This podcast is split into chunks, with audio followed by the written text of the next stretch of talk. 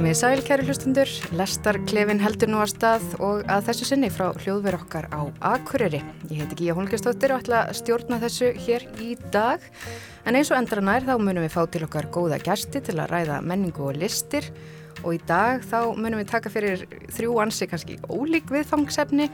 Fyrst ætlum við að fjalla um fjölskyldusöngleikin Benedikt Búálf sem að frumsýndur var í samkommahúsinu á Akureyri um síðustu helgi.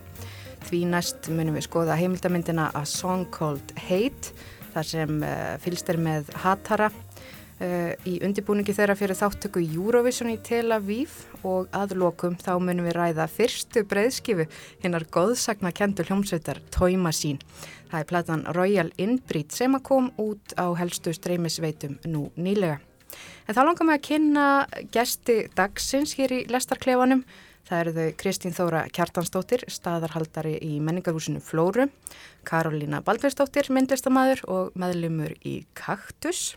Og svo er það Hjörlifur Örn Jónsson, tónlistamæður og skólastjóri tónlistaskólans á Akureyri.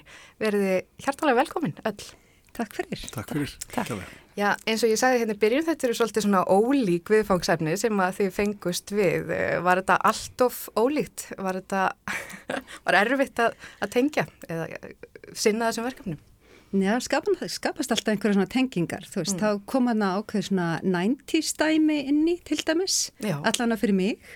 Já, mér finnst það áhugavert, áhugaverð reynsla og fá eitthvað svona svona heimaverkefni að fara að tekka þessu og mynda sér síðan einhverja skoðun á því sko, einhvað sem er kannski ekkit öndilega verið að pæla í Nei, þá akkurat, stundina. Akkurat.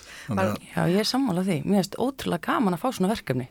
Það ætti að vera eitthvað svona stopnin sem er gæfið út svona verkefni, já, bara almennt. en við skulum byrja þetta og það er Benedikt Búalfur hjá Leikfélagi Akureyrar og Sinfoníu hljómsveit Norðurland sem við ætlum að byrja fjallum. Þetta er fjölskyldu sönglögur sem að frumsýndur var um síðustu helgi. Sagan er eftir Ólaf Gunnar Guðlöksson og tónlistin eftir Þorvald Bjarnar Þorvaldsson og leikstjóri þessara síningar er Vala Fannel.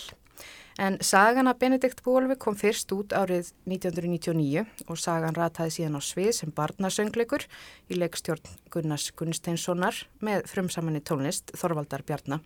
Söngleikurinn var strax gríðalega vinsall þá og festi sig algjörlega í sessi en þarna er sögðu sagan af því þegar Díti mannabarn er fengin af honum Benedikt Búalvi inn í álfana heim til þess að svona bjarga þar málum sem eru komin uh, já, í bara, bara slæm, slæmt ástand þarna í heimi álfana. Þau fá líka til liðs við sig daða drega sem er stórhættulegu dregi með kannski ekki svo stórt hjarta. En uh, þetta er saga af hetjum sem þurfa að yfirstíga ímsar hindranir, saga á milli góðs og íls og já, bara það sem enginn er góð ævintýri. En áður en að við byrjum að tala um síninguna þá vil ég spila hérna örstutt brot úr fyrsta læginu í síningunni. Það er lægið Komdu með inn í Álvana heim.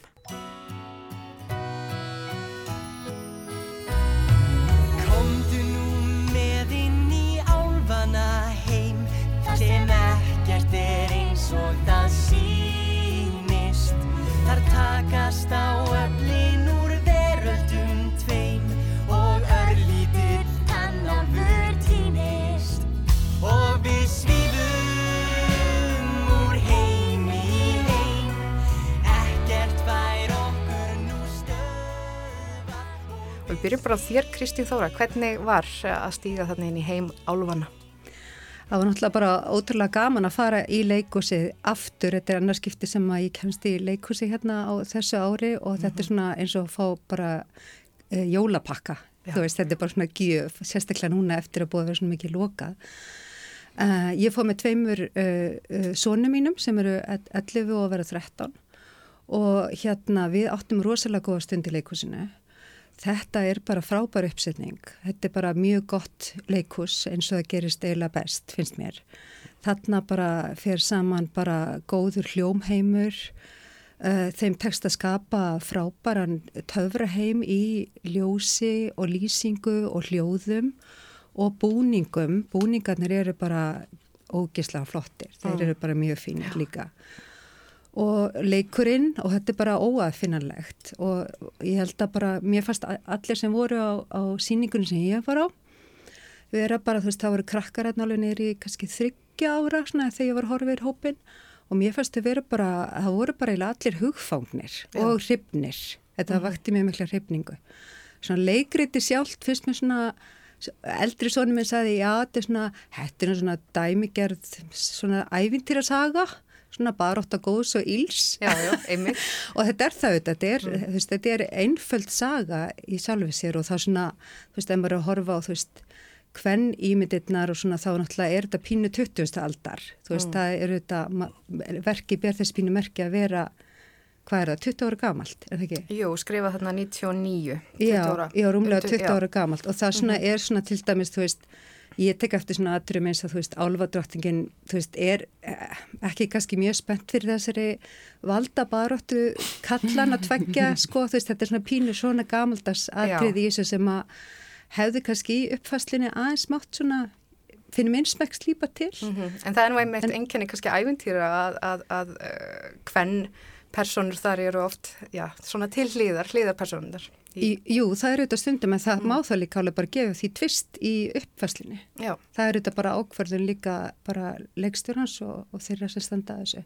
En þetta er frábært leikus, bara ótrúlega gaman. já, þú talar þarna um að umgjörðin væri sterk og þetta væri ópslega flottur heimur sem að er gengið þarna inn í og já, það er hún Auður Ösp Guðmustóttir sem að sér þarna um leikmynd og búninga og mm Friðþjóð Þorsteinsson sem að er með ljósahönnunina og uh, já, og svo er það auðvitað tónlistin sem að skiptir alveg gríðarlega miklu máli, þetta er opbáslega tónlistar hlaðin síning um, Hjörleifur, hvernig hvernig fannst þér tónlistin Mér og bara fannst þessi hún- heimur? Sko, þetta var svona svolítið, svolítið svona, svolítið nostal- nostalgí í þessu fyrir mig að fara að sjá þessa sýningu en þess að það var hérna til D.O.D. skur heimaðu mér þegar strákurinn var pínlítill sem heit Benedikt Bólfur og hann kveikti svona ofbóslega stert á honum og, og við horfum, ég, ég, ég minn einni sko, ég held að þetta hafi verið bara í gangi í tvö ár í sjónarspinnu, bara alltaf eftir leikskóla. Og hérna þannig að sko og þar náttúrulega bara tengi maður við þessa tónlist. Og ég verð að segja að löginast Þorvaldar eru bara einstök. Það er náttúrulega, þú veist, maður heyrir alveg hans svona, hans rödd þarna í gegn sko í, þú veist, í svona þessum rytmísku poppu senum en svo er þetta bara tónlistin þeir eru búin að, og hann er, bú, hann er búin að vaksa svo ofbóðslega Þorvaldur í sinni listsköpunni gegn tíðina og, og hérna þessar útsetningar sko af þessum svona, hvað ég segi, ekki endilega einföldu heldur svona ljóðrennu lögum Já. eru orðna risa stórar og, Já, og hérna þarna bakvið er eitthvað 40-50 manna symfóníljósett sem er að, að sko spila þetta inn. Og það var sem að ég, það sem ég upplegaði þótt að mér hefði fundist og þótt þessi síning alveg dásamleg og, og þú veist, einmitt svona í þessu gamla leikhúsi og, og þú veist, leikmyndin og, og lýsingin og allt þetta eru svona intím og, og fallegt svona eins og leikhús á að vera finnst mér, en, en síningin hefði alveg borið sér á starra sviði af því Já, að ég er alveg hann að því. Já, Já. einmitt. og hljóðheimurinn, hann, hann hérna styrkir þetta svo óbúslega og þú veist, aðtrein eru rosa stór Já, geta verið starri sko, þannig að, að sko maður tók einmitt eftir því að hérna, leikararnir leikum í framarlega á sviðinu út af því að sviðið í samkomhúsinu er mjög djúft. Já, og, og sviðsmyndir svona knýrið allt svolítið fram á sviðið og, og já, stundum kannski upplýðið maður að, hérna, Já. að, að þetta væri kannski aðeins of lítið, Já, lítið ekki, svæði. ég, það, það var ekki tilfinning, ég hugsaði samt sko að þú veist þetta gæti verið miklu stærra. Já, og, og hérna og það, það byggir svolítið líka á þessum kontrastu sem eru í verkinu. Það er, þú veist, þetta er eins og við talum sko, þetta er svona dæmi gert eitthvað ljós og myrkur, gott og vilt og allt það sko og það hérna nær Þorvaldur mjög vel að að svona tólka í gegnum tónlistin það eru miklu kontrast, það eru svona hæ- hæðir og lagðir í músikinni sem að skapa svona þessa vitt einhvern veginn. Og uh, já, og hérna svona stiður karaktersköpunina já, vel sko akkurat. Hvað segir þú Karolína? Hvernig, Mér fannst þetta bara frábært. Já. Ég fekk lánað bann til þess að fara með, mín er hún svo stór sko. Og ég skemmti mér konunglega. Ég reyndar deila alveg þeirri reynslu að þetta spilaðist alveg örgli tvö ár heima hjá mér eftir leikskóla. Og þar lendi, þú veist, bara var ég næstu fann að syngja með lögunum og múnlega kann þetta meira og minna. já, En mér fannst sko, mér fannst staðið treki æði. Mm og það er hún Birna já. sem að leikur hann, Daða Dreka. Já, Það er svolítið 21. aldar. já, Já, nefnilega. akkurat. Það Já. var, mér fannst það skemmtilegt fyrst, sko. Og bara mér finnst það rosalega fallegt. Mér, eða semst, já, svona sjónrænt var þetta rosalega fallegt. Og leikmyndina bara algjör snild. Já. Og mér langar í svona, hérna, blóm á hjólum. Já, Mér einmitt. finnst það alveg Já, bara leikararnir og dansararnir hérna flut og hérna um sviðið á Já. einhvers konar svona hlaupahjóla blómum hlaupahjóla blómum Þetta var rosalega sniðu útfærsla Ég þótti Hjalti Rúnar eiga bara frábæra leikarna líka Já. sem Sölvar Súri og, og hérna og Jósafat, mannarhellir Já, og svona flottur vondikall svolítil og hérna ég, ég mitt tók eftir sko að þetta eru nú þrjú svona verk sem við erum að, að, hérna, að meta og það er svona þessi kontrast sem að byrtist í þessu verki sem byrtist líka í veist þessum allavega þessu, þessari mynd sem við sáum og, og það allt saman á þessi aðskilnaðastefna þannig í álfheimum sem, að, sem að er mjög skýr sko, það er hérna góða fólkið og vonda fólkið og góða fólkið er hérna með heilbriðstjónustuna sína og tannálfinsinn sem að lækna einn tennurnar og vonda fólki er hérna í myrkurinn aukstað niðri og fær ekki Með fær ekki- tannpínu. Já, með tampinu sko. Og það er þess vegna sem þau eru svona vond að þeim líður svo illa sko. Já, Þetta fannst mér svolítið og í þessu stykki svolítið sem er náttúrulega kannski daldið svona eins og galdarkallin í Ós, þú veist, að fara að stað að redda einhverju og, og hérna og maður heitir einhverja karakter þú fara þarna saman í þessa ferð og svona þá finnst mér þetta einmitt það vera, vera það sem að svona af því að í þessu samhengi við erum að skoða þessi listaverk svona saman og þá, þá fyrir mig var þetta svolítið tengingin það var svona, þú veist, þessi já, svolítið ferðalag. Já, Já. bæði ferðarlega og svo líka Og þessi aðskilnaðastefnast þannig að sko, þú veist, hvað er þetta, þú veist, gott og illt og af hverju er fólk vond og af hverju er fólk svona eða hins einn, sko. hefði mátt vinna betur með þetta til dæmis í, já það er nú aðeins búið að fást við leikgerðina, það var hann Karl Ágúst Úlsson sem gerði það, hefði mátt bara taka betur utanum, já við erum komin á nýja tíma. Já, sko kannski þessum punkti sem ég nefndi svona áðan í sambandi við svona kynja ímyndir hefði mátt kannski aðeins taka smá pælingu með það fyrir minnsmekk sko en veist þetta til dæmis líka hérna eh, spennandi pæling og þetta kemur alltaf mjög skipt fram í sko karakterunum hérna honum álfakonginum aðalstinni Einmitt. að hann er náttúrulega bara skitsofren hérna veikist bara af Heiftalegri tampínu. Já, heftilegri tampinu sem er náttúrulega bara tákgræn fyrir, fyrir það að vita ekki hvort fótinn á að ná að stíga með að vera góður eða vondur sko. Og það er ótrúlega vel gert. Það er mjög flott, flott hjá þeim. Sko, mér, ég, ég upplýði líka einhverju svona, þú veist, líka, þú veist, skýrskotin í, þú veist, þetta nattræna vandamál sem við erum að glíma við í dag og ég- ég var alltaf svolítið svona eitthvað að hugsa en það er ná milli í verkinu, þú veist, þetta er, þetta er náttúrulega svona blóma og gróðurverk. Og hérna og hefur svona, þannig sé líka bara beina tilvísin í náttúruna og náttúruöflin og álfaheimurinn þetta líka og allt þetta huldu og þessi huldu öfl í náttúrunni. Og síðan eru þau náttúrulega alltaf með þennan nött. Já, einmitt. sem Og að, sem að menn eru að passa upp á og það finnst mér, ég tengdi þetta líka mikið stertu bara umhverfisvend og, og hérna og allar þessar pælingar og, og ábyrð okkar bara í sambandi við nattræna hlínun bara hver Já. ber ábyrð á nettinum leikriti akkurat. spyrir svolítið að því og það er mjög stert og flott og fallega gert það er einmitt svo Já. stert að því að þarna er sko, þau búa í þessu dásamlega umhverfið þarna, þú veist, og eru, eru glöð og ánæð og, og það er allt í blóma sko, en svo er hérna, svo er hérna Sölvar Súri eitthvað staðar í myrkvum og það er bara dimmt og það er ekki nýtt gróður og hann er búin að missa stjórn á sjálfu sér og þá er allt eðilegt og ljótt í kringum hann sko, það er, það er mjög sterkir Já. kontrastar einmitt í verkinu. sko. Þannig að það er hægt að lesa mjög djúpt í hérna, merkingu þessa vers og, og, en enga síður er þetta líka bara mikil skemmtun fyrir já, alla. algjörlega Þetta er ég mjög mælu með þessu fyrir skemmtileg alla sko. Já. Já, og þinn, já, lán, lánbarn, Lánsbarnið. lánsbarnið þitt skemmti sér. Hvernig, hvernig fannst þér svona sko. stemmingin uh, í salnum? bara mjög góð að reyndar hérna voru uh, tvö börn sem sátu stutt fyrir framann mig sem að voru örglega einmitt svona um þryggjára Mm. og einum tímapunkti þá eru þau pínur sætt sko og Já, einn sem fór alveg fram og mamman bara leitt hana fram og þetta var svona pínur sæðilegt Já, það koma nefnilega óhugnulega Já. senur þetta. Já, þetta getur verið er. pínu skeri fyrir einhverja sem eru svona kannski viðkvæmir Já, á þessum aldri. En Karolína, þú myndist á hann á hana Björnu Pétursdóttur Já. eh, sem að þarna fór, já, hún var ansi góðu dregi og náði mikill komik í því hlutverki. En hvað annað svona sástu, hvernig fannst þið leikararnir standa sig? bara heilt yfir mjög vel mér fannst þau bara ég hafði ekki út á neitt að setja. Ég myndi hugsa þetta mikið bara á leiðinu út úr leikusinu og það var bara einhvern veginn ekkert sem að sem ég gætt sett bara sett fingur á, alls Nei. ekki sko. Mér finnst bara allir standa sig eins og hetjur sko. og mjög sterkir söngvarar hérna í Já, þessu og, og við verðum nú aðeins að minnast á hann Tóta Tannál, Kristinn Óla Haraldsson sem er króli Já. sem að stígur þarna á svið. Sjálfur ólst hann upp við þetta verk hann sýnir Já, hann er rosalega- aldrei, auðvitað. já, mm, góða takta mjög svo Svo er náttúrulega gaman að hafa Björgvin Frans þarna sem álfakongin í þessu samhengi. Já, nákvæmlega, eftir að hafa fylst með hinnu Já, eftir að hafa Já. hortað hann sem Benedikt Búolf Já, já, í hinni gamla- uppfærslunni. já, Og það var náttúrulega að minnast á, á völu, sko, söngur hennar í síningunni er dásamlega. Já. Og hún er náttúrulega stórkosli sönguna bara.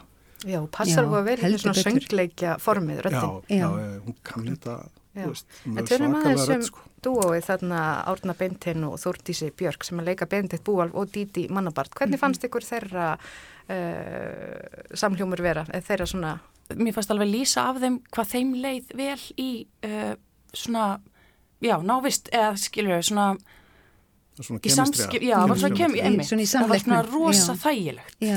Mér Já, það var voða smurt. Já, já, akkurat.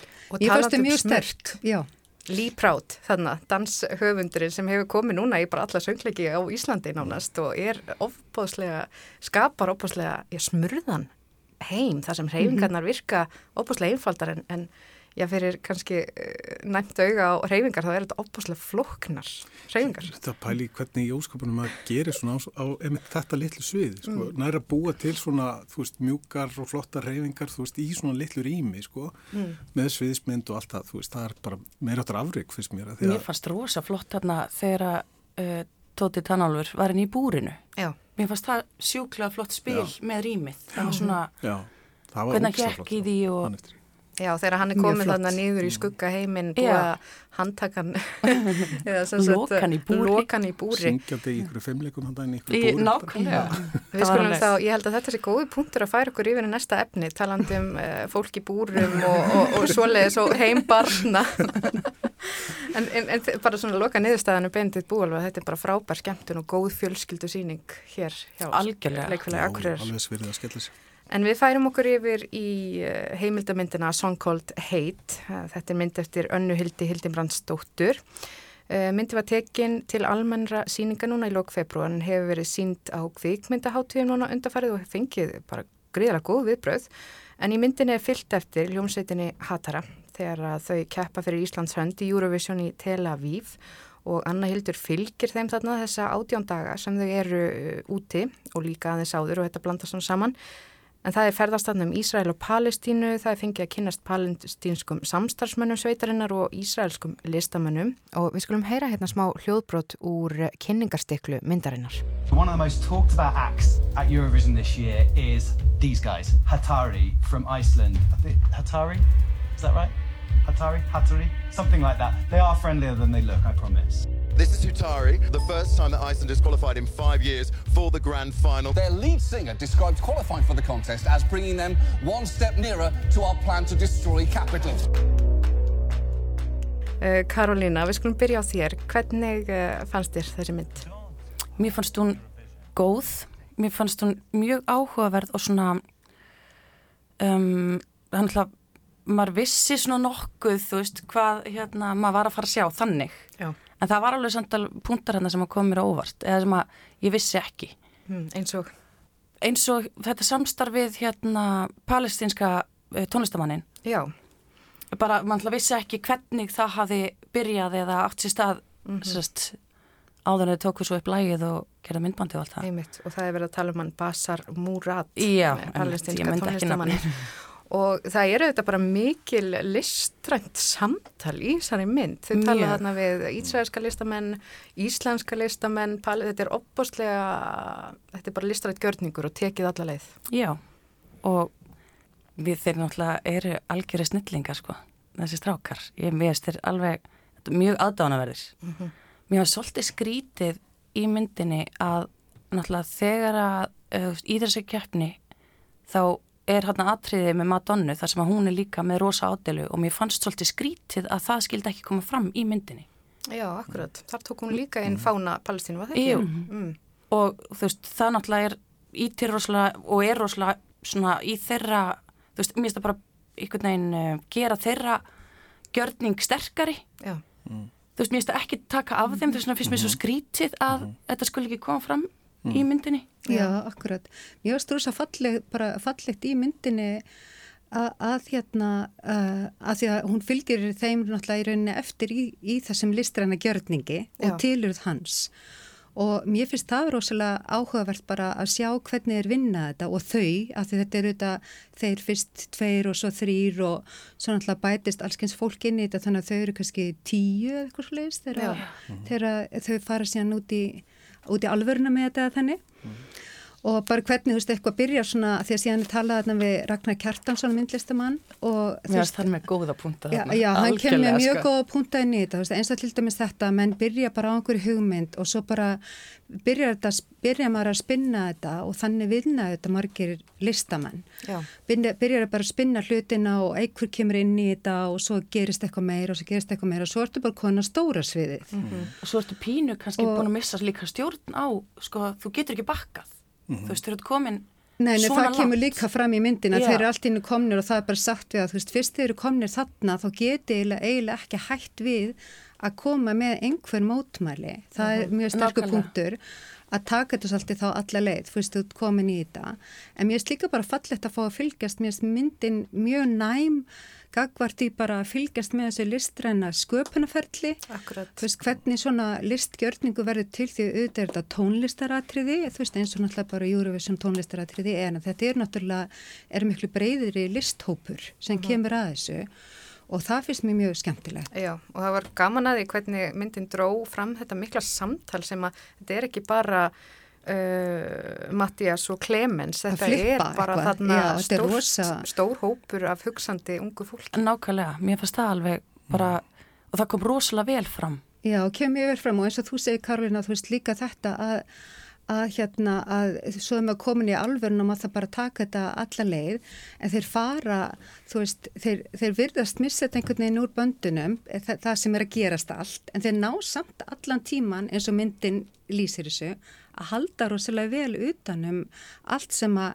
er að gerast eða gæti gest, sko, nema eins og þetta sem stilt upp í myndinni eftir Já. atriðið að þá náttúrulega bara faraði í eitthvað, einhverja blöndu af spennufalli og hérna Já, bara hræðslu. og bara hérna- hæðslu um líka bara sjálfansi því þau eru bara alltaf komin á okkur stað þar sem að þau gætu bara verið í lífsættu Já. og vita það samt ekki, Einmitt. þú veist. Hvað segir þú, Hjörleifur, hvernig Ég- orkaði myndin á, á þig? Ég, hún virkaði mjög stert á mig. Já. Mér fannst þetta einlega að vera svona hápunkturinn í því sem við vorum að, að, að horfa á eða, eða skoða í, í vikunni og hérna ég mitt er að hugsa sko þessi, þessi að þú veist tala hann um tónlistina sko þetta er söngvakeppni en sko þetta atriði er ekkert bara eitthvað, eitthvað, eitthvað tónlistaratriði og það er mjög gaman að sjá sko, veist að, og ég er nefnilega fór að hugsa sko, þegar þið byrja í þessu ferli sko, hvort að lægið var hvort að fórsetuna fyrir, fyrir listsköpunni frá byrjun hafi verið að komast til Ísrael og geta flutt þetta þar. Veist, það, maður spyr sér að því vegna þess að, vegna þess að það er alveg líklegt sko, það hafi verið aldrei upplegið hjá þeim sko, þetta, þetta, þetta ógs bara allan tíman sko, þetta byrjar á einu lægi þú veist með einhverju myndmáli sem að í svona einhverju samhengi jú er stert, þú veist, en í þessu samhengi er eitthvað allt annað heldur en, heldur en þetta flutt einhver staðar á Íslandi. algjörlega.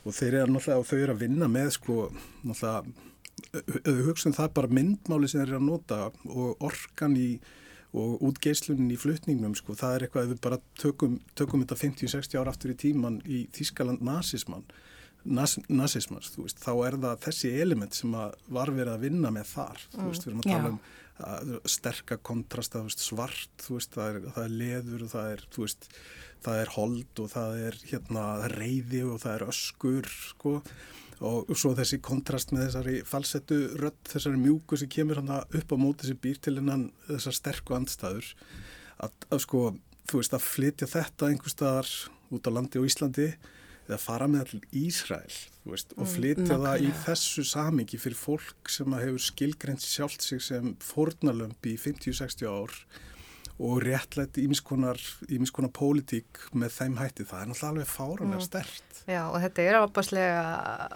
já, þeir, þeir eru einhvern veginn og maður sér það í myndinni að feta sig áfram og spyrja sig alltaf frífældra spurninga. Já, Eh, mér finnst þetta sko að fá... Og það er áhugavert hvernig þau leiða ólíka hópa inn í þetta samtal. Það eru ísraelski leistamenn, það eru opaslega þau taka tillit til og, og gera það í rauninni bara mjög vel að, að vera hlu, í hlutverki listamannsins þarna, ekki- sem að má Já.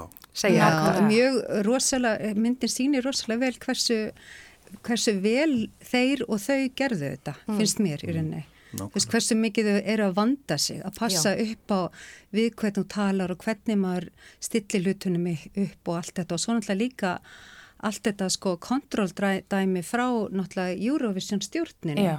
Veist, hvernig er einhvern veginn hérna Uh, hva, í hverju maður má vera, hvað má spila, hva, þú veist, hvað, Mhm, hvað hvað má er hluti af þessu, og- já, sem er náttúrulega líka, þú veist, fyrir, fyrir hataragengi náttúrulega líka ákveðin svona rítskoðun á þeirra hérna listræna gjörningi og það eru þetta bara, þú veist, í, á einhverjum tíumpunkti er sagt bara já, þarna voruð komin yfir striki, þú veist, hvað er línan millir þess sem að má og má ekki í listsköpun, veist, og svona sterkir uh, pólitískir gjörningar sem hafa, eins og þú segir hjörlega tilvísun, alveg sögulegar, margar sögulegar tilvísanir, þú veist, bæði pólitík og tónlist og, og, og margt í samfélaginu, að þú veist, að, að þeir, þetta náttúrulega, þú veist, hérna, eh, fólk stendur auðvitað bara eh, uppi og hérna, og þarf að keira þetta alla leið. Og er þau hægt að gera það rosa vel. Já. Það sem að mér fannst svo hérna, áhrifaríkt að sjá í myndinni sko, er, þú veist, við erum með ungt fólk á Íslandi, þú veist, pólitíst fólk og listamenn sem eru að gera eitthvað og hérna eru með skoðanir og eru, þú veist, í raunin að tala um, þú veist, óréttlæti og kúgun og, og vald og, og undirkefni og, og hérna, og all, allar þessi þætti sem eru bara hluti af okkar lífi sem að við upplifum öll, þú veist, að einhvern hátt í lífinni, öllu sam, öllum samfélagum sem við búum í, en eru að fjalla um, um þetta sem er svo langt í burtu, sko. Og þú veist, við, við Þú meinar þá ástandið Já, í Ísrael, Palestínu, Ísrael, já. sko, við búum hérna í þessu öryggisneti og þú veist, það sem er svo áhrifurikt að sjá, sko, ef vegferðin þeirra frá því að þau eru hérna heima, þú veist, þau eru, þú veist, alveg staðföst í þessu. og einmitt eins og segir, þau eru komin hann á staðin, sko, sko, já. og eru farin að, veist, og lappa þarna inn í, sko, Palestínu og, og sjá þetta og átta sig á því, veist, að listamennir sem þau eru að vinna með eru bara í, lífsættu, þú e, sko, þú veifar ekkert þessum fána hvar sem er að þess að eiga Nei. bara hættu að lenda í því að vera pyntaður eða jafnvel myrstur. En það kemur það fram í myndinni að það voru einhverjir palestínisti listamenn sem ætlaði að starfa með þeim sem Já. að dróðu sig út vegna þess að þau já. Og þarna finnst mér sko, þú veist þetta moment þegar, þið átta sig á þessu, Mm. þú veist, þegar, þið standa frammi fyrir byrja, það er þetta sem að, þetta raunverulega þýðir, þetta er eitthvað fólk sem er í þessari aðstöðu, Mm.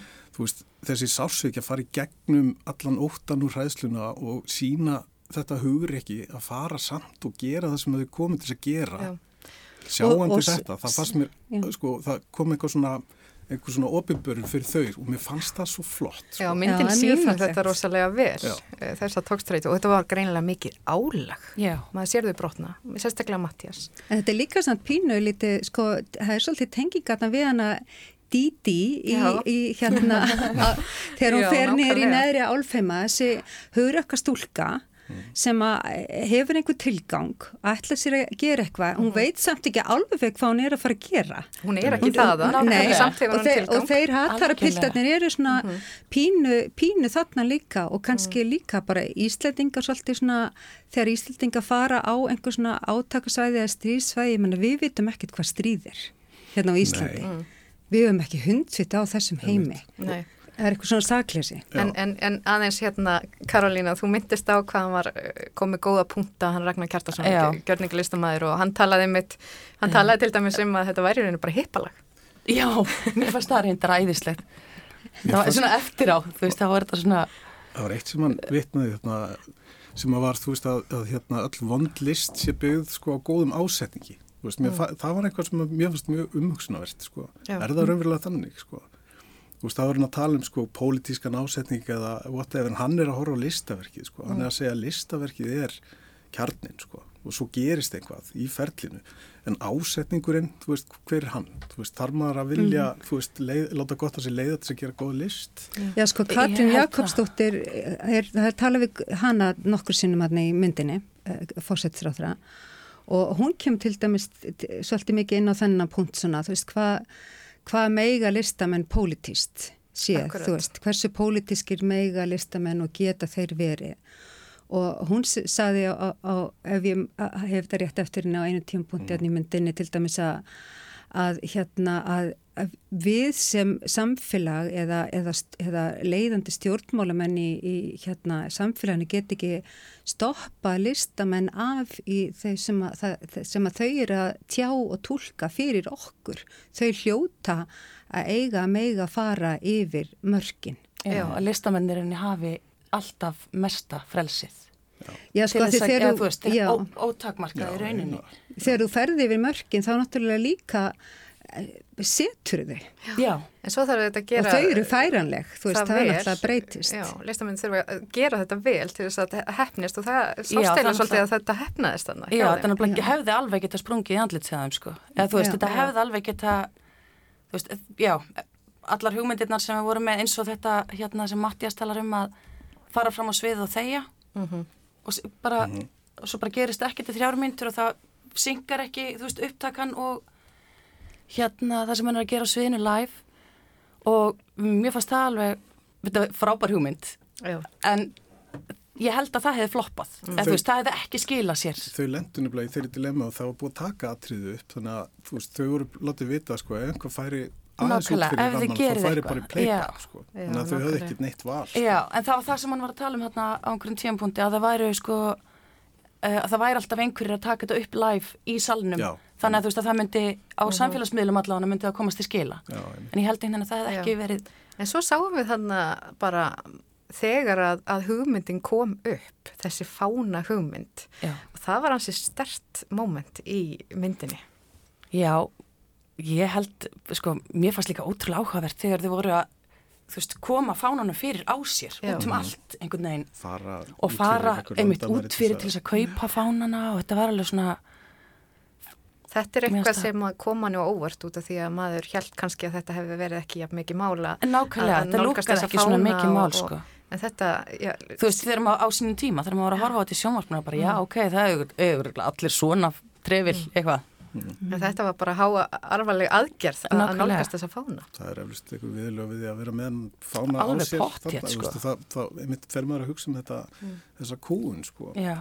að En það var líka áhugavert, það var hann Sigurður Andriðan Sigurgjersson, dansari í hópnum sem að kom upp með þessa hugmynd þarna og hann segir við skulum byrja, ég hérna byrja á að veifa fána, regnbófánunum Nákvæmlega. og síðan skulum við, ætla ég að veifa transfánanum Mhm. og síðan er það, mun ég veifa þessum palestinska fána og, og, og, og þetta er þetta bara sko, þessi umræðum fánana alla og stigvaksandi mikilvægi þeirra ja, þarna á þessum stað og þessum tíma sýnir bara hvað fánar eru stert, sterk tákmynd og, Já, þetta er mjög atrið mikilvægt. þar sem að þú veist einhvern veginn, einmitt eins og þú lýsir, eitt fáni opnar fyrir öðrum Já, og gefur, sko, einn eitt gefur öðrum pínu leifi á að vera, mega vera þarna líka, Já, einhvern veginn. Það er mjög, mjög stert atriði. já, Þetta er náttúrulega það sem er búið að gerast í samfélaginu okkar í einn tíðin að mannréttitur að það er svona eins og laukur að það er svona að vera að flýsa Nákvæmlega. alltaf. Já, þetta nálgast Hérna- kjarnan meira og meira, sko. eitt, eitt byggir á reynslu annars. já. En svona bara lokum, út af við erum búin að mikið tala um efni eh, myndarinnar en, en, en svona bara kvikmyndatakan sjálf og, og útlitt myndarinnar. Hvernig fannst ykkur það? Við byrjum bara á þér, Karolina. Já, um, mér fannst, mér fannst skemmtilegt að hún ætla tekin svolítið þannig að maður er með þeim á staðinum. Þannig að maður svona, ég náði alveg að fara þangað. Já, að vera vekk. bara, já, og þegar þau liggja þarna, já, reyndar, örgulega, það var örgulega fleiri neitt tilöfni. Það sem þau liggja svona öll í hrúi eitthvað, ég alveg, mér fannst ég bara vera þarna. Og og svona nándi í Já, það er Já. rosalega mikil nátt. Mjög fallið nándin, ég tekundi það líka. Einmitt. Og mér finnst líka fallið að byrja á þessu einhvern veginn, hvernig þeir eru bara, þú veist, hérna, uh, Mattias og Clemens að bara, bara leika sér með einhverjum þriðja vini aðna sem krakkar bara eitthvað að spinna tónlist. Ég menna bara eins og krakkar gera. Og svo bara er þetta, þú veist, mínútu setna bara að byrja að vera einhver alvara og svo ertu bara komin í alvarlegasta pakkan sem hún getur eiginlega verið í. Þú veist, eitthvað, einhvern hápolítiskan gjörning á, á einhverju heimsviði, þú veist. Þannig að þessi sko, þessi sko samt ymmit heldur, eins og Karlun segir, heldur myndin þessari ótrúlega fallegri, fallegu, persónulegu nálað allan tíman. Já, Já, mér finnst einhvern veginn líka þegar það eru hérna svona viðtöl við einn og einn í einu eins og er annars veist, af þeim, þá er það svo nálagt, eða þú veist, þau koma svo nálagt manni, bara í mynd, þannig að mér finnst alveg, já, það er ekki, Mér er hræðslega að sína alla Nei, það er er svo flott og maður mjög sér, fallegt. þú veist, upplifum mín var bara hvað þetta er fallegt fólk sem að fóra nút sko, Já, þessi hópur er akkurat. sko bara, þetta er fallegur hópur og flott, flott fólk bara. Já, bara topp listamann. Bara frábært listafólk. Já, þess má líka geta að uh, þessi mynd verður sínd á rúfum páskana í þremur hlutum, þrýr þættir sem að kallast hatri, þannig að þeir sem að uh, hafa áhuga geta séða þá þar. En út í næstu sálma, það er uh, hljómsveitin Toy Machine með plötuna Royal Inbreed. Þetta er plata frá þessari Akureyri skólhjómsveit, Toy Machine og hún var stopnuð hér á Akureyri uh, í loka árs 1996 þannig að þetta er nú komið tölurverið tími síðan hún var stopnuð og þar eru á ferðinni Jens Ólafsson söngvari, Kristján Eli Örnólfsson gítarleikari, trommarinn Baldvin uh, Seta og Alli Hergersson sem að leikur á bassa. Þessi plata kom út á Vínil fyrir jólin en datt uh, inn á helstu streymisveitur núna í lok februar og þetta er fyrsta breyðskifa hljómsveitarinnar sem er, uh, já, það sem er svolítið áhugavert við þetta. Og þessi hljómsveit ætlaði þessi stóra hluti heims yfir á bara gjörsanlega en uh, þó að þessi plata sé ný útkomin þá er nú efnið á henni 20 ára gamalt, þannig að þetta er í rauninni ný gömul plata eitthvað skonar en hún kom aldrei út. Það var, var verið að gera hana mm, en, en hljómsveitin sprakk áður en að þau náðu að koma þessu efni frá sér En áður en lengra haldið þá skulum við heyra örstu tóndæmi af fyrsta lagi plötunar. Eh, Það lag heitir einfallega Toy Machine 2020.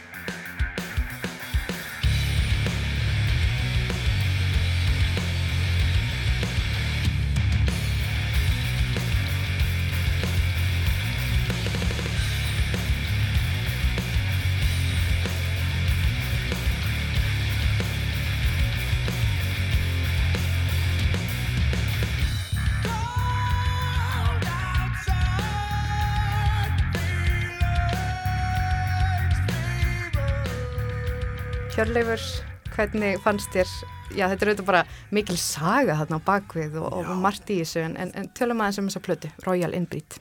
það er svona kannski aðlatrið, það er fyrst mér sko vera þessi saga, þú veist að vera með 20 ára gammal listaverk sem er að líta dagsísljós í nútímanum, þú veist í hérna nýjum, bara nýju samhengi Akkurat.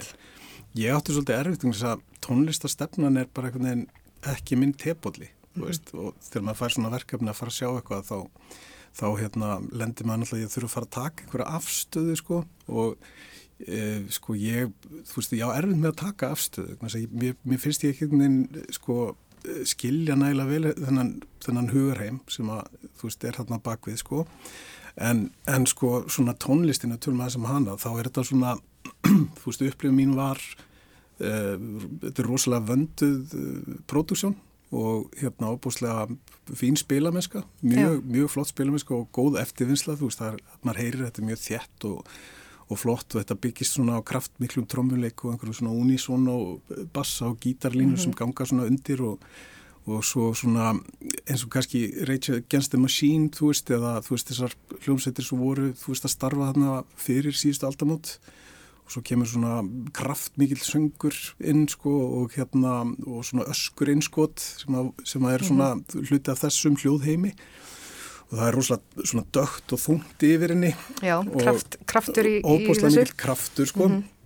Og hérna þú veist það sem ég er alltaf svolítið erfitt með sjálfur persónulega þegar ég er að hlusta á þessa tónlist, af því að ég, ég veit ekki kannski bara pingu einhverfur eða eitthvað að þá hérna, það er þú veist að þetta er svo mikið á sama energinu í svo langan tíma þú veist að lögin eru svo ofbóslega kraftmikil og það er svo mikið power í öllu, þú veist að eftir kannski þrjú fjögulega þá byrja maður að vera svolítið dofin fyrir því sko.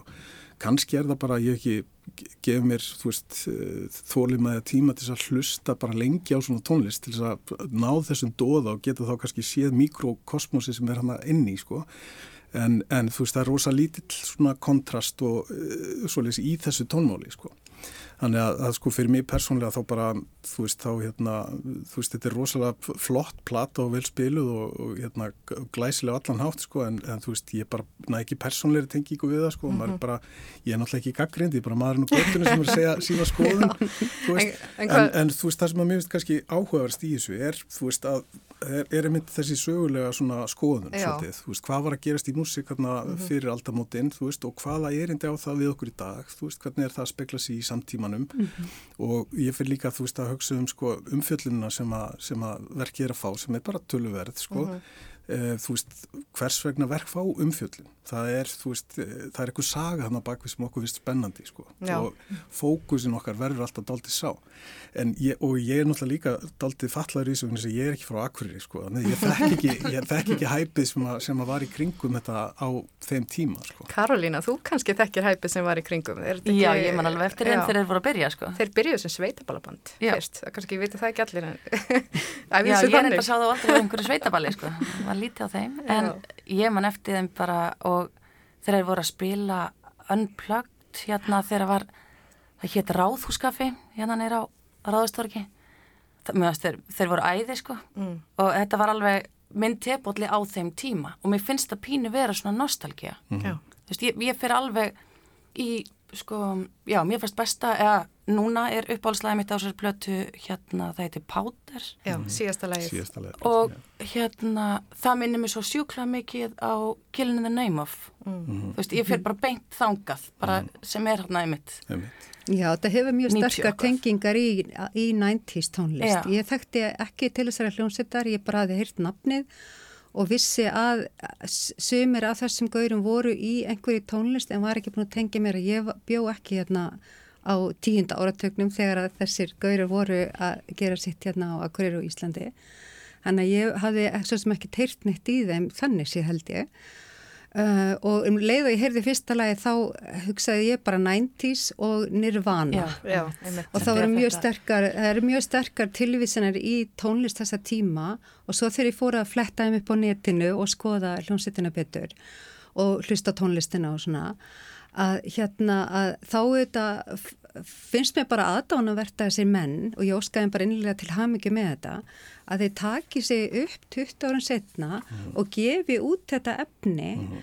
og standi máli, og klári máli. Það ja. er eitthvað, svona, mm. eitthvað mjög fallett í því að gera það. Ég vona þeirra að við náði í leiðinni sáttum líka ef þeir splundurist á sínum tíma sem hlýtur nú að vera. Ég veit ekki hvort þetta eru alveg sömu mennirnir í bandinu. Þetta eru sömu mennirnir. Þetta eru alveg sömu, já, emmitt og það finnst mér hérna frábært ég hérna er svolítið á sama stað og, og hjörlegur varðandi sko tónlistasmekkina, þetta er ekki svona minn tepolli en þetta er rosalega vel gerð tónlist mm. þetta er alveg almennileg músík og, og ég er svona ekki, ekki neitt svona vita á upptökum og svona en Já. bara þú veist maður finnur alveg að það er fólk að spila þetta sem er búið að vera mm -hmm. þú veist sem að hefur alveg sterkan bakgrunn og Já. veit hvað það er að það gera. Það er engi spurning. En hvernig fannst þér Karolína að renna í gegnum öll lögin, hafandi hlustað á það á tónleikum og, og, og, og svona vitað uh, og þekkt svona inn á tónlistina þeirra? Ég er, þetta er, ég er alveg sammáleikur, þetta er ekki eitthvað sem ég spila svona dagstaglega heima hjá mér sko.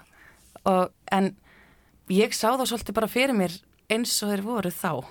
En þú veist, margaðar hef ég ekki hitt í mörg ár sko, þannig að mhm. ég bara, en já, Þetta er, þetta er áhugavert, sko. áhugavert að hérna út af því að sveitins blundraðist og það urðu vinslit og þetta var mjög dramatíst þeir voru þarna í New York að meika það og uh, þar var lifað hátt og uh, fallið var mikill og þau gáttu á enganhátt haldið áfram og það er óbúslega falleg svona í bara sköpunin en maður segir það að klára þetta sköpunarverk og þannig að kjarnast eitthvað svona viljið til þess að skapa. mitt. Það er bara mjög, segja, mjög virðingavert og líka bara pínu skemmtilegt og í rauninni kemur þessi tónlist sem sem sagt ný tónlist í gerðis að löpum mm -hmm. að þetta er nú ný útkomin vínill mm -hmm.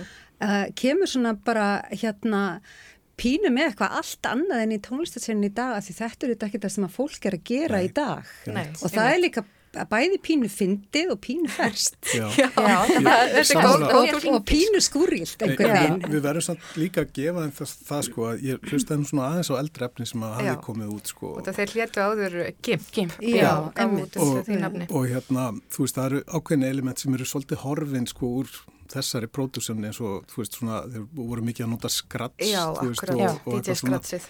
sem að Já, var hann sko, alltaf Átni Eljót var með þeim sem, sem, já, sem, að, sem að er Jú. sko rosalega mikið merkjum þennan tíðaranda Já. sem að var sko og það er horfið þarna, þú veist, þannig að hún á meiri samhljóm með nútímanum en það sem mér finnst einmitt, það, það sem þú veist að tala um er sko, þú veist, að vera með eitthvað listaverk í skúfu í 20 ár og, og opiberaða síðan til þess að, til þess að hérna, láta drauma sína rætast og, og, og þú leifa verkinu að byrtast sko. það er ofbúslega fallegt mér og, og persónulega og þá hugsaði líka veist, það er það er örugglega fullt af mönnum og konum um all land sem er í þessari stöðu sko. Og þetta er líka kvartning þá kannski svolítið fyrir fólk að þú veist að núna er og við verðum líka að sjá þú veist að þegar að, þeir eru að gera sitt á sínum tíma þá fór ekki hver sem er í stúdíu sko. það kostaði Nei, bara daldið mikið og, Annan handleikin og nýra, sko. Já, og, bara- og þú veist, hljónplötu útgáfin áttu stúdíun það var bara mjög erfitt að komast þær en þú veist, mm. selja helst bara höfundar réttiðin að öllu, Mhm. öllu til þess að geta fengið að fjármagna það og En í dag er náttúrulega sko hljóð upp, hljóðupptökur orðna bara ódýrar, veist, og, og sko hátækni búnar líka á hverju heimili, sko, tónlistamanna. Já, og leiðir til þess að fjármagna og orðnar einfaldir þeir crowdfunding þetta, og já, þetta. og leiði til að komast á marka Já, já, líka, já, hefur já. líka brestur og mikið þannig að þetta er bara skilabúð til allra sem eiga, eiga gamlar plötur Já, eða og, og skilabóðin kannski til út. er sko bara frábært plata, þú veist, en ég myndi, sko, ég væri svo gladur að heyra nýtt efni með þeim, sko, eftir Já. þessi 20 ár, þú veist, hvað búið að gerast hjá þeim, ég er mjög spenntur fyrir því, sko, að, þú veist, að heyra, heyra næsta, næsta skref, þú veist, í þeirra vekkferð. Og svo væri ég líka að segja, þú veist, að ég vissi ekki að Baldvin Seta er svona Ég bara, trómuleikari hvað hva, hva er þetta? Veist? Ég er náttúrulega aðdándi hans, hans sem, sem leikstjóra þú veist, Já. fylgist með öllu sem hann gerir en hérna, þetta var náttúrulega bara stærst ábyrju fyrir mér sko, sem Já. trommuleikar að sjá bara, vá, þú veist, hvað er þessi maður? Þú veist, en, en talandi um snillíkur er En, en svo er þau bara þetta líka þeirra gerjunar sem að er svolítið í gangi í akureyrisku tónlistalífi semst ekki eh, semst auðvitað líka í klassiska tónlistagerjanum á akureyri en líka í sko öllum böndunum sem eru hérna og ég held að þeir sé allan einhver leiti hluti af því líka og veist og það er náttúrulega þú veist að því okkur hér á Akureyri finnst fólk svolítið sem er í tónlist utan við klassiska geiran bara fara suður. Og það Já. hefur verið reynd svolítið mikið að skapa einhver svona senu hér og það hefur svolítið tekist að halda einhverjum svona hér og það er einhverjir að gera eitthvað saman og svona og þeir einhvern veginn koma pínu úr þessu þó þeir séu Sem eldri grassroot. en, já, en eru einhver svona tónlistagrassrút Og mjög það er líka grassroot. mikilvægt að þessi rödd heyrist veist, og- bara, Já. ég sé það þarna einhvers það er líka svona, Og, og þú veist að þeir eru bara skild, eh, mikla virðingu skili fyrir þetta, fyrir þetta pródekt. Algjörlega, algjörlega.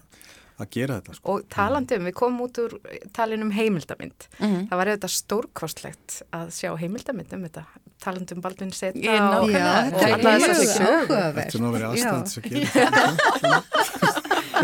Þegar var kalla hérna eftir því. Er þetta ekki bara ákall að- Já, eftir ég einhvers held konar... að hljóti Af því hljóti að að vera þú veist kannski svipað með það sem við vorum að tala um sko með, með hattaramyndina þá, hérna, þá er listaverkið sjálft það er ekki bara platan eða tónlistin heldur öllur gjörningurinn kringum þú veist það er 20 Og ár sagan, síðan og sagan og þú veist hvernig þetta þróast og, og hvaða mennit eru og þú veist Já. af hverju eru að gera þetta og allt það. Það er það sem, að, sem er svo áhugavert við akkurat þetta. Já, ég væri til í alveg að sjá svona hérna, heimildamind þar sem við fengjum að vita uh, í rauninni af hverju ákveðari loksins að gera þetta. Mér langar svolítið Já, það svona var áhugavert einlæglega að vita það. Mhm. Hvað kveikti aftur Já. neistan? Einmitt. En við komumst nú ekki lengra með þetta. Við erum búin að hérna, eða okkar fína tíma í þessum þætti lestar kleifanum. Við erum búin að taka fyrir hérna þrjú ólík en, en samt erum við búin að tengja hérna vel á mitti allra þessara efna. Það, við erum búin að ræða fyrst Benedikt Búolf sem að frumsýnd var á, uh, í samkomúsinu hérna á Akureyri, síðan rættum við uh, heimildamindina Song Called Hate og núna vorum við að ljúka við að ræða plötu akureyrisku hljómsveiturinn að tóima sín, plötuna Royal Inbreed sem er svona gömul ný plata. Ég vil bara þakka ykkur kærlega fyrir komuna, Kristi Þóra Kjartansdóttir, Karolína Baldursdóttir og Hjörleifur Örn Jónsson. Takk fyrir mig. Takk, Takk fyrir mig. fyrir að senda okkur í skóla. Já.